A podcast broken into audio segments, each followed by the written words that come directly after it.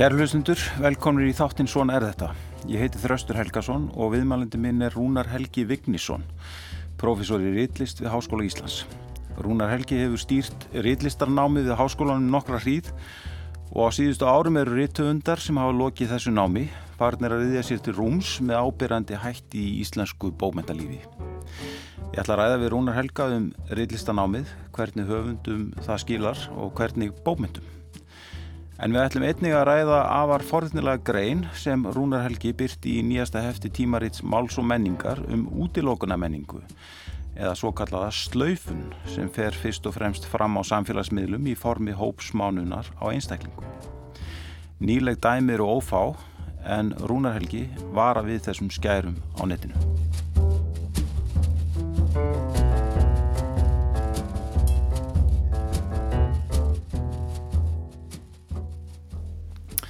Rúnar Helgi, velkomin í þáttin.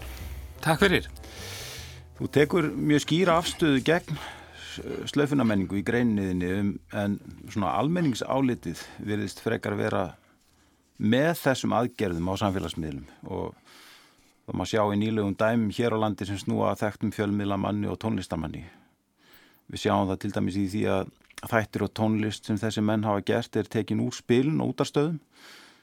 Viðburður eru blásnir af og framvegs þetta gerist líka með myndir út í Allen, svo erlend dæmis í tekið. Þú nefnir líka íslenskan háskóla kennara sem missi vinnuna eftir að hafa verið flautaður út af í umræðu á, á netinu. Almennt virðist slaufin og einstaklingu því samþygt virðist manni. Eh, samfélagið bregst við en svona af hverju finnst þér þetta vera rámt?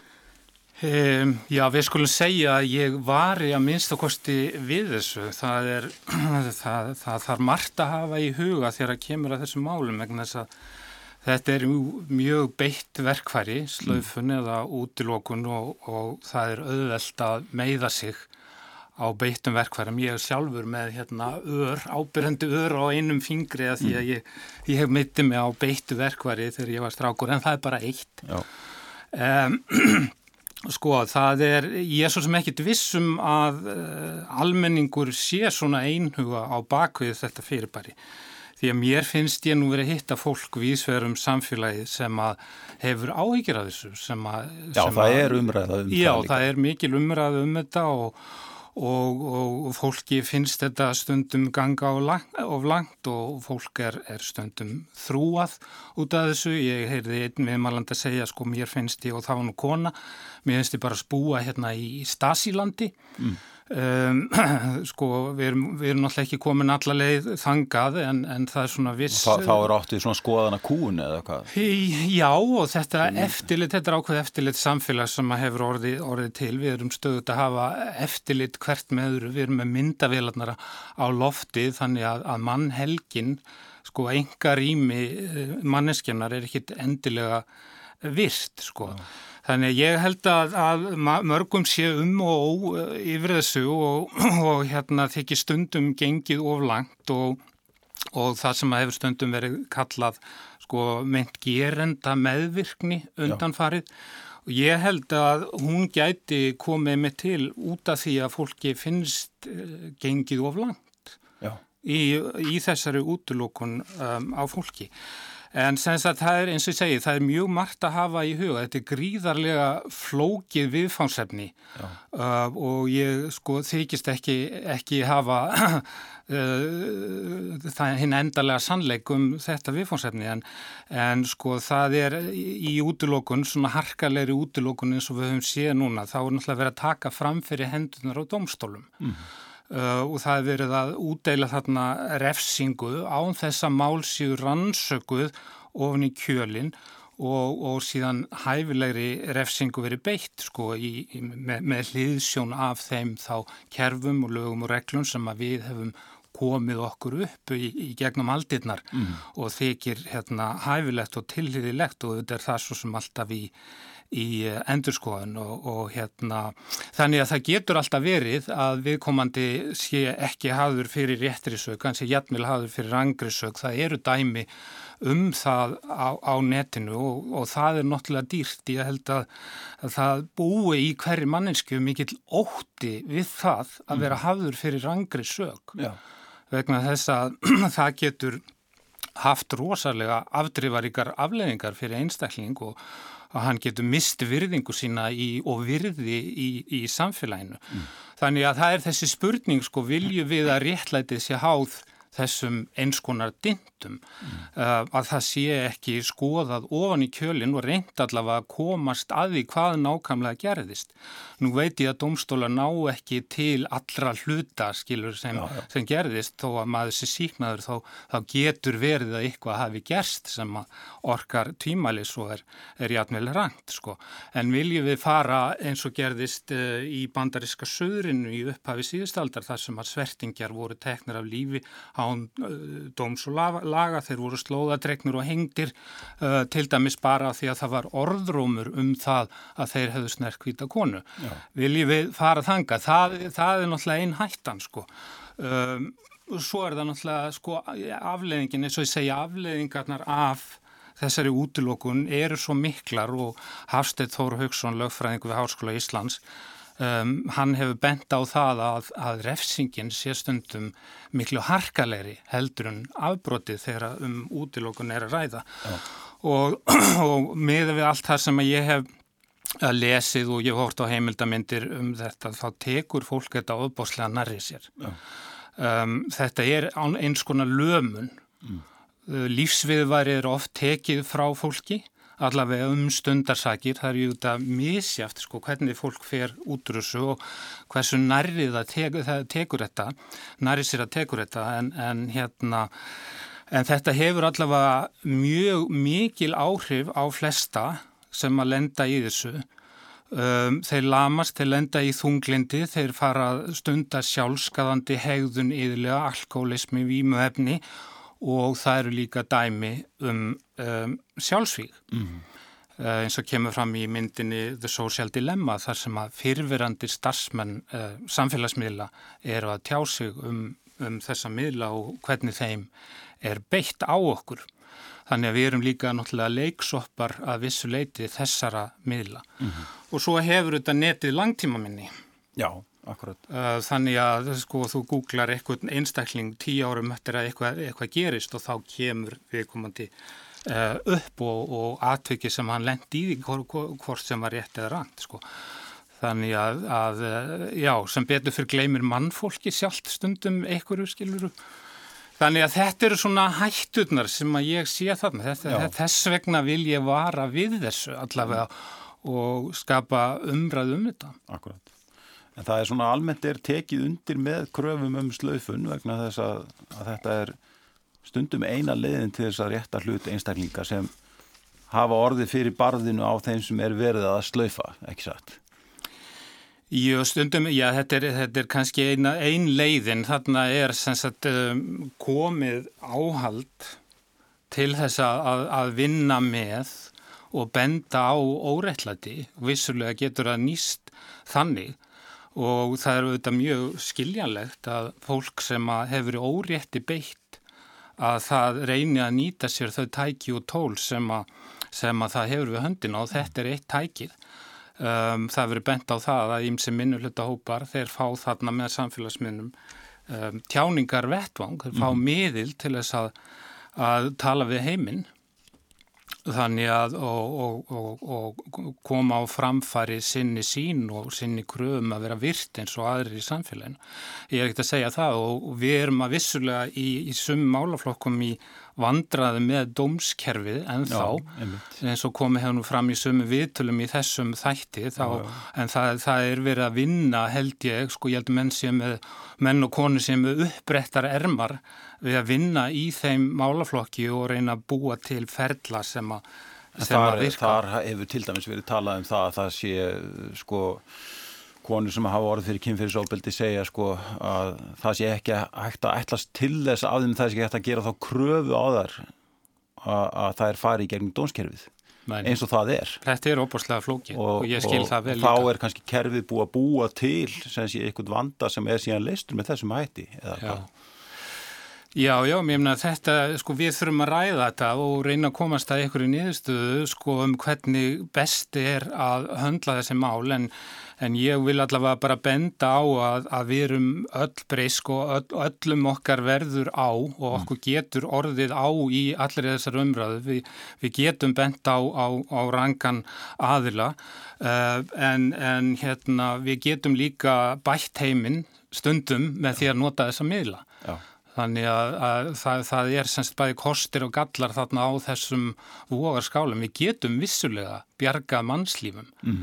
með því að nýta þessa miðla. Ég er Já. ekkit að draga úr því. Ég menna til dæmis ef við, ef við erum með fasíska ríkistjórn eða einvald eitthvað staðar sem er að misbeita valdi sínu þá er þetta auðvitað vopt sem að gæti og einhvern hátt hrifið og sjálfsagt að, að beita því og, og eins og við sjáum það er uppgangur, uppgangur fasismans hérna í allt í kringum okkur sko. Já, og stundum hefur, hefur hafa þessi miðla hjálpa til við að ná fram réttlæti eins og þú bendir á mig eins og því með, með George Floyd Já, ekki, ekki spurning sko. En sko hvað finnst Veldur þér þá Akkurat, en hvað finnst þér þá Eh, um eh, viðbröð um, ef við tökum til dæmis ég nefndi nú út í alin hérna í engangi ef við tökum til dæmis viðbröð hjá efnisveitum og, og miskosti mörgum uh, sjónvarstöðum í heiminum það maður valla getur fundi lengur mynd, mynd eftir, eftir út í alin á, á efnisveitum. Hva, hvað finnst þér um slíka þarna, þarna bregðast sem sé almennir eða uh, fjölmiðlar bregðast við með því að, og efnisveitur bregðast við með, mm -hmm. með því að taka undir slöfunina. Hvað finnst þér um svona uh, já, þessi já. viðbröð? Það er sko, þetta sínur okkur meðal annars að það er kannski ekki alveg hægt að greina listamannin frá listaverkinu, skilur, Nei. að minnst okkurst ekki meðan listamæðurinn er á lífi. Mm -hmm. Eins og er eigið fullt af listamönnum uh, gengnum listamannum sem að kannski voru engin, engin góðmenni og, og brutu af sér á sinni tíð en verk þeirra lífa og eru miðlæg kannski jætnvel í menningunni. Mm. Ég held að sé ekki takt eh, við þess að gera sko ef, að, ef við komumst að því Uh, og, og það hefur verið raukstutt skiluru, það eru sannanir fyrir því að einhver hafi brotið af sér mm -hmm. þá séu það ekkit óeðlileg viðbröð að það smitist yfir á verk þeirra mm -hmm. það er ekkit óeðlilegt við það einhvern veginn og að löngun manns mingi til þess að að njóta þessari verka að minnstakosti fyrstum sinn. Já. En svo eru náttúrulega sumir sem af einhverjum ástæðum, það er erfitt að segja af hverju, en sumum listamönnum tekst að vinna sér tilbaka. Mm -hmm. um, þá vinna þeir vantarlega í sjálfum sér á einhvern handamáta, reyna að læra af uh, mistökum sínum, um, það, það er að ræða sko, mm -hmm. ef að Uh, já, reyna einhverja leiði til betrunar ef þær eru á annar borð til, mm. skilur sko, þannig að það getur líka alveg verið fengur í listaverkum sem að spretta af þeirri reynslu, skilur ja. þannig að þetta er náttúrulega mjög margslungi mál og ekkert einlíkt í þessu. Nei, mitt og þú, þú spyrður, eh, það er einn kjarnaspurning finnst mér í greinniðinni uh, og það er sem sé hvenar netadlaga hóps að einstaklingi verður að ofbeldi Já. og þú, það, þetta er svona þetta er kannski, kannski það sem máli snýst um og þú nefnir að það mætti hafa ein, eh, einelti skilgreiningar til viðmiðunar, getur aðeins kannski útskýrst þetta? Já, þetta er sko að sömu leiti er þetta mjög svipað einelti sko mm. Ef við, ef við tökum það sem er að gerast, sko, segjum að, ef, ef við flytjum það í annað samingi og horfum á það þannig, segjum að um, þú hafið sagt eitthvað í þessum þætti mm. sem að þykir bera vittnum fordóma í garð ykkurs hóps mm. eða ykkurum hafi hyrst að þú hafið sagt eitthvað slíkt mm. eða talið að þú hafið sagt eitthvað slíkt og síðan kæmi þá bara allt fólkið hérna í hverfinu mm. til þín í personu og hýjaði á því eða hrækti á því eða eitthvað mm. slíkt skilur. Þetta, þetta er það sem í, í rauninni skilur er að gerast á netinu. Mm -hmm. Þegar að einhver, kemur hérna og, og, uh, og þetta, þetta myndi okkur þykja ofbeldi þegar hópur er það ekki gerir aðsúg Já, að manni. Jú, það er múætsing og, og ofbeldi og jætmil rægt á mann og, og eitthvað slíkt sko. Þannig að ég, ég held að sko þegar margir leggjast á einn að þá upplifi þessi eini það yðurlega sem ofbeldi. Mm -hmm. Ég hugsa að það sé mismöndi þól hjá þessum einstaklingum gagvarti, sumir eru kannski sjóaðir Já. og bara jætnvel fá eitthvað út úr þessu. Svo eru stjórnmálamenn sem eru, sem eru kannski vanir því að fá yfir, yfir þessu guðsur en svona einstaklingur sem að lendir í þessu óvart að honum finnst hann hafa kannski lendi í einu hérna, ofbeldi sko, það, en það er sko hvar mörkin liggja, Já. það er alltaf afstætt og, og held ég, ég personubundi sko. Já. En þegar þetta er fara að hafa slíkar afleðingar að fólk missir lífsviðværi sitt án þess að dómstólar séu búinir að höndla málið þá, þá, þá er þetta gjörningur sem hefur mjög afgerandi afleðingar og, og sem getur fundist vera ofbeldi. Við, minna, við viljum ekki einelti og okkur finnst einelti vera ofbeldi ekki. Jú.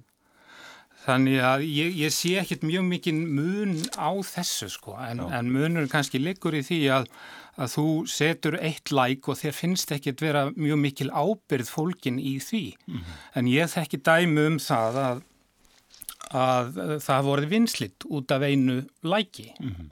Skilur þú tóst undir með þessu og þú ert á, þú ert á móti þessu eða þú ert jætnilega á móti mér af því að þú tóst þarna undir og, og gerðir kannski hálpartin í hálkjæringi og hugsaður ekki út í út í alla hluti þannig sko. þannig að, að það er ábyrð sem að fylgir gjörðum okkar mm -hmm. og sömnt að því sem að við segjum á samfélagsmiðlum getur varðað við lög Já. og það getur verið fangelsisvist sem að getur verið dæmdur í út af slíkum málum Já. ef ykkur fer í mál gegn, gegn mannju og þannig að við þurfum líka að hugsa um þessa ábyrð, hvaða ábyrð berum við sem borgarar og og e, ef við ætlum bara að segja sem svo að þegar okkur líkar ekki sagt, e, framist aða domstóla þá ætlum við að taka málinn í okkar hendur mm.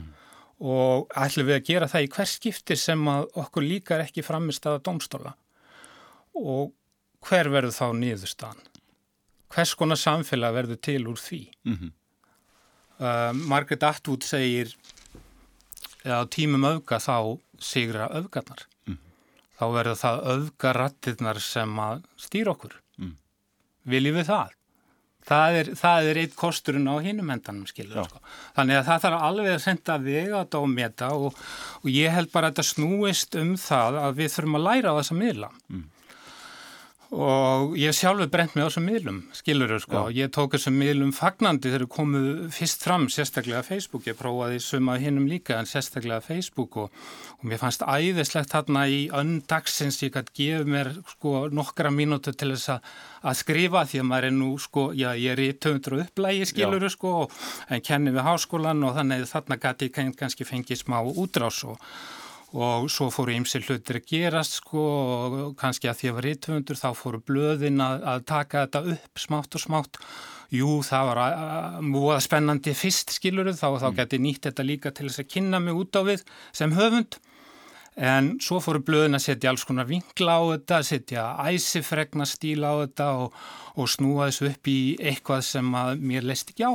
Já skiluru, þannig að þá, þá fór nú að kárna gamanni skiluru sko og endanum rakjum við bara einfallega á vekk með uh, þennan miðil og, og var það bara að draga með nánast alfarið út af honum og, og, og meira segja sagt, bara, til þess að verja mitt sko, heilbriði, geð heilbriði, mm. þá var ég bara mikið til að hætta að lesa um tíma uh, netfréttamila þannig ég lokaði bara á alla netfréttamila sem að sem að hérna, stunduðu einhverja æsi fréttamennsku eða, eða voru með svona afætu fréttamennsku eins og má kannski kalla það þegar menn, þegar menn beinlinis leita uppi svona hasar á netinu Já. eru þá púkin á fjóspittanum og kinda undir. Já, Þannig að þetta er orðin atvinnugrein Mm. að kinda undir slaufun. Það er fullt af fólki í heiminum sem hefur atvinna af þessu og tekjur af þessu vegna þess að þetta eigur umferðina síðan inn á þessa miðla og þar með sjá fleiri auglýsingarnar og meiri tekjur koma. Þannig að við erum að vissuleiti vend í, í, í vítarhing sko að það þarf ekkert mikið til að, að slá mann kannski út af læginu þó maður, jafnvel þó maður þykist sjóaður í, í þessum bransaðan. En við höfum ekki, eins og segja, við höfum ekki aldalanga reynslu af því að umgangast þarna uh, í þessum hlýðar veruleika eins og þú kallar því spjall okkar áðan. Um, þannig að við þurfum að, að læra á þetta og, og kannski átt okkur á því að stundum er læk í gildi hráka. Já, akkurat. Og akkurat þú nefnir, nefnir sem sé eðli samfélagsmiðla og, og þessar, þessar, já, uh, og spurning hvort það, sko, er, er það er náttúrulega hluti af vandamálinu og kannski bara vandamáli sjálft að, að á þessum miðlum hefur myndast svona samfélag útaf fyrir sig Mm sem virðist ekki lúta lögmálum og, og, og kannski ekki alveg öllum reglum sem uh, þess samfélag sem við höfum búið til og mótað í saminningu í mörg hundra ár. Nei, Það er, það, þetta er einhvers konar hliðarheimur og það er eins og uh, okkur finnist að það gildi ekki alveg sömu lögmál þar og, og, og svona almennt í samskiptum okkar á milli. já, svo virðist sko sem, að- sem að, sko fólki finnist ekki eins og þau sé þar að öllu leiti í eigin personu. Já, Jafnvel þó að það sé að gera aðtóðsamt við eitthvað og það sé mynd af því skilur, skilur sko sem að fylgir. akkurat. Þá er eins og það finnist eins og það sé hálf falið einhvern veginn sko að því að þú ert ekki auglitið til auglitis. Það er skjóli á skjánum, svona í örugri fjarlægð. Já, í örugri fjallæð og það, það er enginn sem getur komið sko sem að getur snöggar reyðstjar hínum hefur borðið og komið og tekið í hálstakki eða eitthvað slíkt þess vegna. Um, já, það, þannig við, og svo er náttúrulega þetta vill á sér heimildi líka Já, já. í, í þessu eins og við höfum, höfum dæmum og, og haft áhrif jafnvel á, á landslag í heilu heimsveldi og kostninga úsliti í heilu heimsveldi þannig að, að en heitt er svo annað að, að jafnvel þó okkur finnist þetta þá hefur þessi hlýðarveruleiki beinar afleðingar Já, og bein áhrif á eh, sko raunveruleikan. Þarna eru menn og það náttúrulega umtalast að dæmið er Trump þegar hann kvatti til hérna, kvatti til uh, innrásari eða, eða mótmæla þarna uh, út af kostningaúslitunum sem að leiti til innrásari í þinghúsið og, og, og þessa fólk skadaðist og, og misti lífið, skilur Já, sko, já. þannig að það er alveg bein tenging þarna á milli. Hmm. Það er náttúrulega alltaf verið hættulegt að, að vera rítöfundur og tjá sig mm. og valdhöfum stendur yðurlega stuggur af þessu fólki og við, við sjáum náttúrulega dæmi þarna frá Kvítarúslandi, nýlegt dæmi þar sem að flugvél var snúið við af því að í flugvélinni var maður sem að skrifaði blokk gegn og viðræði skoðanir gegn hérna, einvaldinum þar. já. Þannig að, ég meina, já, sko skrif hafa kannski aldrei haft jafn mikil áhrif eins og núna, það er Nei, allir að skrifa. Einmitt, og þú ert líka að ræða um stöðu málfrelsis í greinni, það er svona hinn hliðin á þessari umræði allri og það er að myndast andrúnsloft þar sem fólki virðist ekki lengur vera óhætt að lýsa skoðunum sínum að öllu leiti og þú nefnir dæmið um J.K. Rowling uh, höfum Harry Potter bókana sem hefur tjáð sig um transorræðina og háskólakennarar hafa líka verið reknir út í heimi fyrir að gaggrína þessa sömu orðræðu. Já, uh, og sko og þá burt séð frá því hvað er rétt og ránt í þessu umræðefni þá er þetta kannski ekki rétt að leiðin að svona heilbreyðir í skoðanamyndun nei, ég... líklega eru nú kannski flesti sammála um það en, Já, kannski. Eh, Ég vona það allavega. Ég, ég held að sko við eh, þurfum að halda svolítið málfrelsinu á lofti og við þurfum að ræða meira almennt bara um málfrelsið og hvað það þýðir fyrir samfélag okkar, hvaða er gríðarlega mikilvægt að við höfum málfrelsi bara upp á heill og hamingi okkar allra að við þöggum ekki nýður einhverja rattir bara því að við erum ekki sammálaðum. Mm.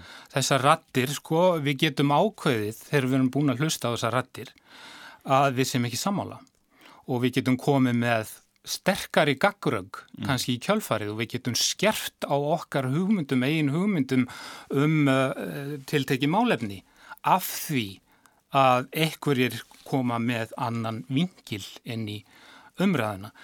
Uh, ég bent á þetta til dæmis í, í sambandi við uh, sóttvarna umræðina sko, mm -hmm. það sem að það sem að eh, skapaðist sko að hálgerð, uh, já það var, það var lagst svolítið á, á vissa aðila í samfélaginu sem að voru gaggrínir á sóttvarna aðgerðir. Mm -hmm.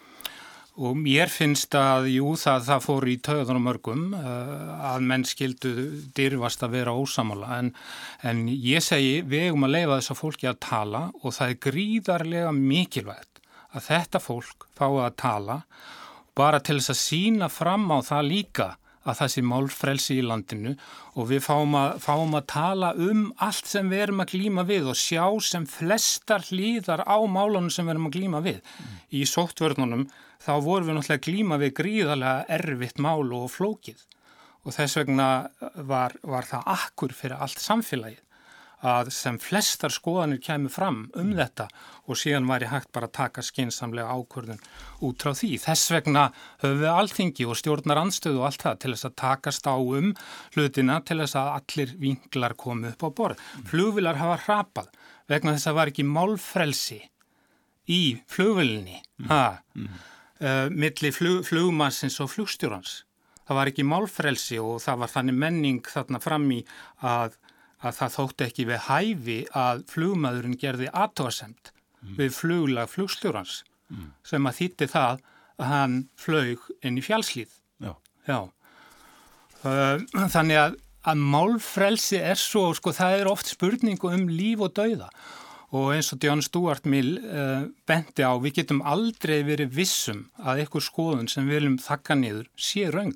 Mm. Við getum aldrei berið við 100% vissuna, um hún sé raung, getur komið í ljós setna að hún sé eitthvað leiti rétt uh, og þar fyrir utan er ekki skinsamlegt að þakka hana nýður, jætnvel þó hún sé raung. Mm.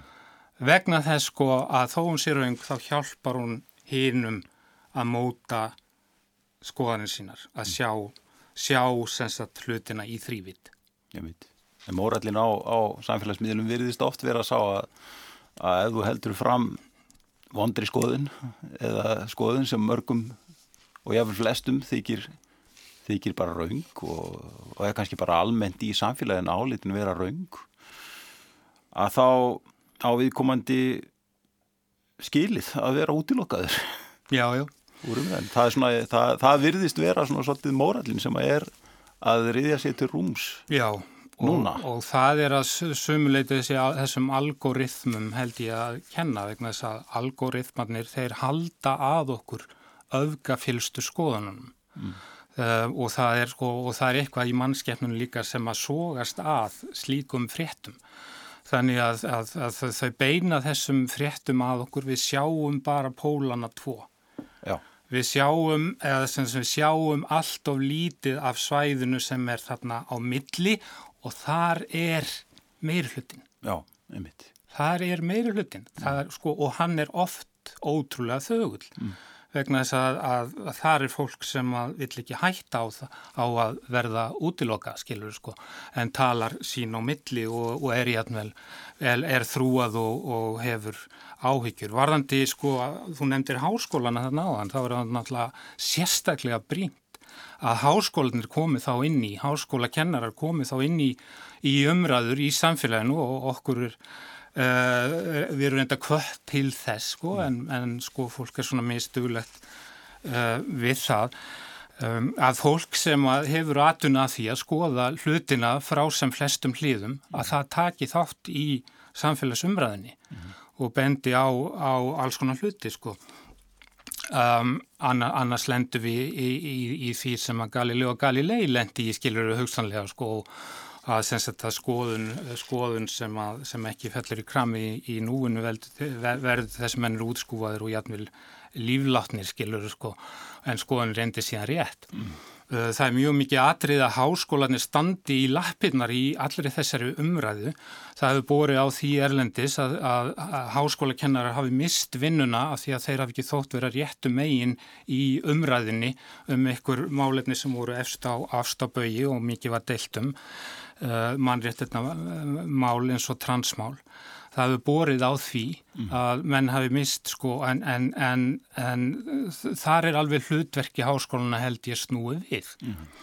Um, það, það, það þarf að koma sem flestum sjónamöðum á, á framfari innan háskólinu og það til þessi eru háskólanir. Mm.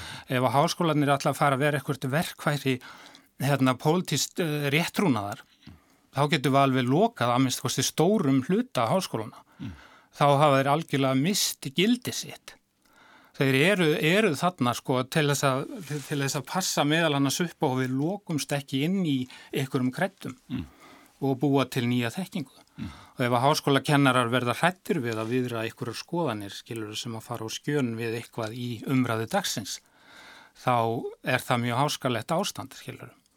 En þannig er þetta að verða og það, það hefur mjög mikið búið á því í, í hérna hinnum engilsaksneska heimi að, að fyrirlesarar séu bara rópaði nýður fyrirfram áður en þeir fá að tjá sig.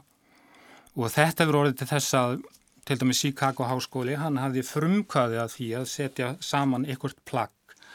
Um, það sem að bent var á það að það væri ekki hlutverk háskóla að skíla fólki fyrir viðkvæmi eða semst umdeldum skoðunum. Mm. Þert á móti ætti sko háskólinn að vera staður þar sem alls konar skoðanir um, fengi að takast á og, og, og hugmyndir sér skoðaðar frá sem flestum hliðum.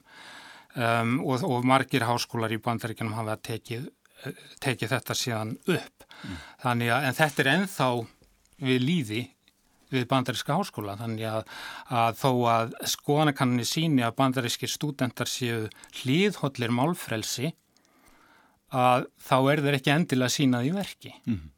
og þá náttúrulega kemur inn í að kemur annað inn í sem að eru sjálfsmyndar stjórnmálinn sem að mér finnst spretta út úr fjölmenningunni. Þar að segja að allir þessir hópar sem við höfum og sem hafa stundum verið undir ókaðir að þeir hafa nú risið upp meðal annars fyrir tilstilli samfélagsmiðla og, og krefjast þess að vera virtir til jafns við aðra hópa mm -hmm. og það finnst háskólastúdentum í bandaríkjunum uh, kannski meira atriði núna heldur en hitt að halda 100% upp á málfrelsið. Mm -hmm. En hvort að þetta verður slitið í sundur veit ég ekki, fjölmenningin og og málfrelsið.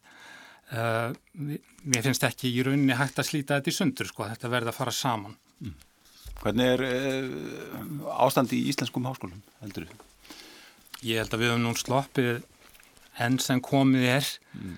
nokkuð vel frá þessum. Það hafa samt komið upp mál sem að hafa, hafa sínt fram á það að þetta getur líka verið erfitt hérna á Íslandi að, að svona sætta uh, sjónamið innan og utan háskólana sko. Uh, og, og þessi mörg á milli, milli persónleira tjáningar og starfsskiluru mm. um, að þau geta, þau geta orðið ansi erfið við að eiga skiluru sko. Hvenar trublar persónleg skoðun um, sem er sett fram í lokuðum hópa á Facebook hvenar trublar hún starf kennarans og ég hef alveg hugsað þetta sjálfur skilur mm. og, og var ég alveg mjög stressaður fyrir að koma þetta viðtal út af stöðuminni sem háskólakennari skilur. Mm. Mun ég slýsast til að segja eitthvað hérna sem að veldur einhverju uppnámi sem að aftur veldur því að nefnendur sko hætt að koma í tíma til mín og hætt að skrá sér í rillist. Já. En á móti segi ég skilur það er þitt hlutverk sem rítöfundur og kennari all viðrað þínar skoðanar segja mm hvað þú ert að hugsa. Vonandi að í grunduðu máli. Já, en, en þetta er samt sem áður eitthvað sem kemur upp í hugaðin Þetta þú... fylgir mig daglega í hvers skiptir sem ég fer inn í kjenslustofum Já. Ég er stöðugt að hugsa þetta. Mm. og ég veit að ég er ekki sá, ein, sá eini sem að, sem að e, svo er ástætt með, skilurum Og er, er það samfélagsmiðla sem að hafa sé, breytt þessu um, starfsumhverfi? Já, ég höfst þér hafi haft mikil áhrif Já. á þetta sko, ég menna það er svo sem það er svo sem langt síðan að, að þetta kom, kom upp og man, mann var kent ímislegt þegar ég byrjiði að kenna fyrst í bandarækjanum um hvernig maður ætti að haga sér sem, sem kennari hvort hinu kynunu mm.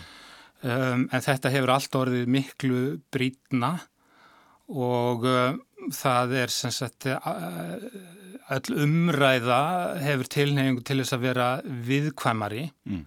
í bandarískun skólum er farað að taka upp það sem heitir trigger warning mm.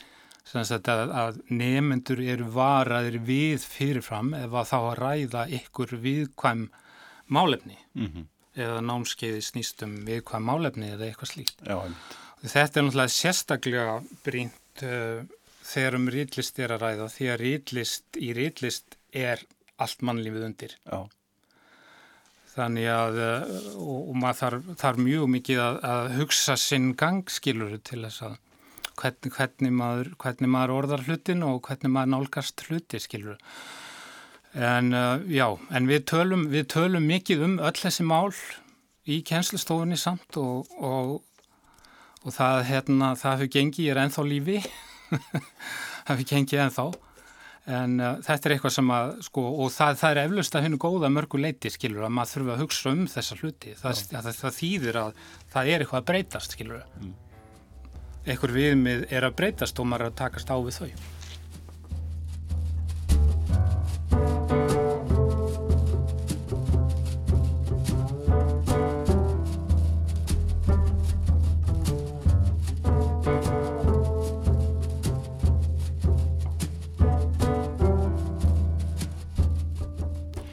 Kæri hlustundur, ég heiti Þraustur Helgarsson og þið eru að hlusta á þáttinn Svona er þetta. Gestur minna þessu sinni er Rúnar Helgi Vignísson, profesor í Rittlist. Í þessum þáttum hefur við rættið forvittnilegt fólk úr ímsum kymum samfélagsins um reynslu þess og viðþorf. Jón Ormur Halldórsson, alþjóðastjórnmálafræðingur, rættu um stöðuna í alþjóðamálum. Hægt er að hlusta á Svona er þetta í spilararúf og í öllum helstu hlaðarps veitum fyrir Evrópu það er mjög erfitt að gleima tíma Trumps. Mm. sjálfur var ég nú bjart sýtna á það að Trump tækist ekki að vinna stórkonslega tjónu vegna þess bara hvað bandarist valdakerfi og stjórnkerfi er flókið og þjætt og, og hérna hvað margir aðalis að standa mjög fastan vörðum ákveðna grunnatriði. En Trump gekk lengra, gekk lengra heldur mér dætt í hug og áhrifin eru ansi viðtæk og ég held að Evrópa venn þetta verður svolítið eins og vekjaraklöka hefur hengt í Evrópa með það að það sé ekki alveg sjálfsagt að Evrópa sé í skjóli bandaríkjana því hún sé það greinlega ekki. Rúnar Helgi, þú ert profesor í Rittlist við Háskóla Íslands sem svo komið hefur fram. Og ég hef reyndar nýra, nýlega rætt við tvo af nefnduðínum hér í þettinum, Sverri Norrland og Bergþóru Snæbjörnsdóttur. Bæði hafa þau markað sér sess í íslensku bómyndalífi uh, með mjög aðtilsverðum hætti og gefið út góða bækur á endaförnu en maður veldi fyrir sér hvort að sé að verða til einhvers konar skóli í íslenskum bókmyndum sem er skóli, skóli rítlistar námsins við Háskóla Íslands. Hvað segir um þetta? Góð spurning. Ég segi um þetta að ég vona að sé ekki verða til neitt sérstakur skóli um, sem á rætur sinna að rekja til þess sem við erum að gera uh, við Háskóla Íslands. Þá ég við það að ég vona að það sé ekki hægt að sjá á þessum hóp að hann skrifi á einhvern ákveðin hátt, skilur, og hann mm. nálgist skrif á, á einhvern ákveðin hátt og, og, hérna, og þetta sé svona einsleitur hópur sem að þarna hafi komið fram. Vegna þess að þegar ég er ráðinn þannig fyrst uh, til þess að byggja upp þetta nám, þegar þetta verður að fullgildir í námskrein árið 2000 2008 þá nýtt ég þess að það er komin reynsla á þetta nám í það Erlendis, einhverjum í ennskumælandi löndum og hafði reyndar sko nömi við skólan sem að hýsir eina frægustur í töfundarsmiðu heims. Mm. Og ég nöyt þess að þekkja að ykkur leiti umræðuna um rítöfundarsmiðjur mm. og um, um, hvaða gildrur, gildrum að sko slíkar smiðjur geta lendi mm. og einn gildran er svo að hún, hún framleiði, eða semst skólinn framleiði ákveðna tegund af rittöfundum. þannig að ég reyndi strax um, að, að byrja þann brunn.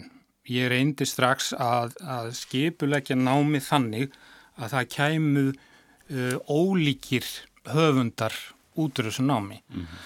Um, hvernig gerum við það? Við gerum það meðal annars með því að hafa í til dæmis meistaranámið það er í grunninn opið fyrir öllum, svo framalega sem að viðkomandi hefur lokið einhverju grunnámi, uh, viðkendu grunnámi það er sko að þú þart ekki að koma úr íslensku eða almennri bókmentafræði mm -hmm. umsækjendur geta komið úr öllum greinum háskólans þess vegna og, og reyndar sko úr listum við fáum mikið af fólki sem hefur lokið námið við listaháskóla. Mm.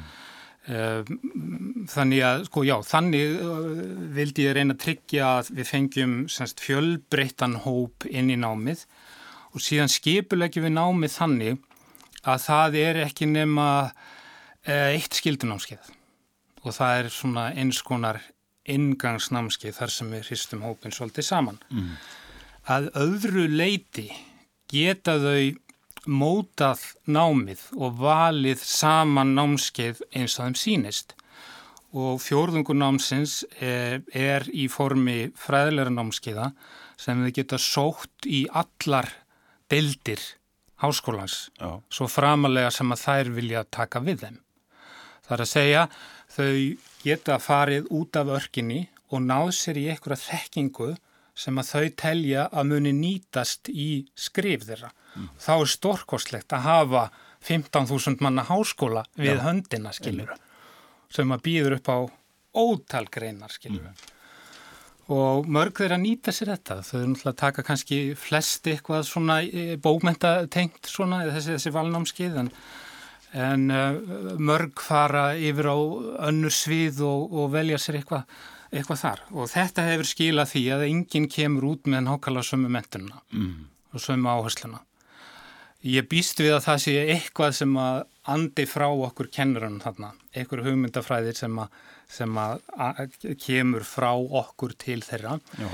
E, en, en semst að þessu leiti eru þeir allir mjög ólíkir þessir nefnar sem hafa komið frá, frá okkur og að þú skoðar listan yfir þessa nefnendur og það sem það hafa sendt frá sér þá held ég að þetta séu ótrúlega ólík verk og sé mjög fátt í þeim sem að beinlinis vísi á okkur mm -hmm. bæði vinna þau í margskonar bókmetaformum.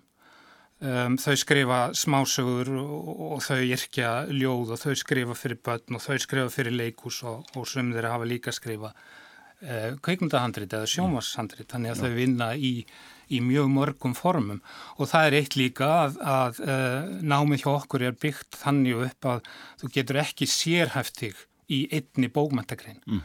Víða erlendis er það þannig að þú maður skrái sín ám í ljóðagerð mm. eða í frásagnalist eða leikritun. Hjá okkur er þetta allt bland í póka mm. sem að þýðir það að það verður alls konar óvænt smitt á milli þessara bókmættakreina. Mm.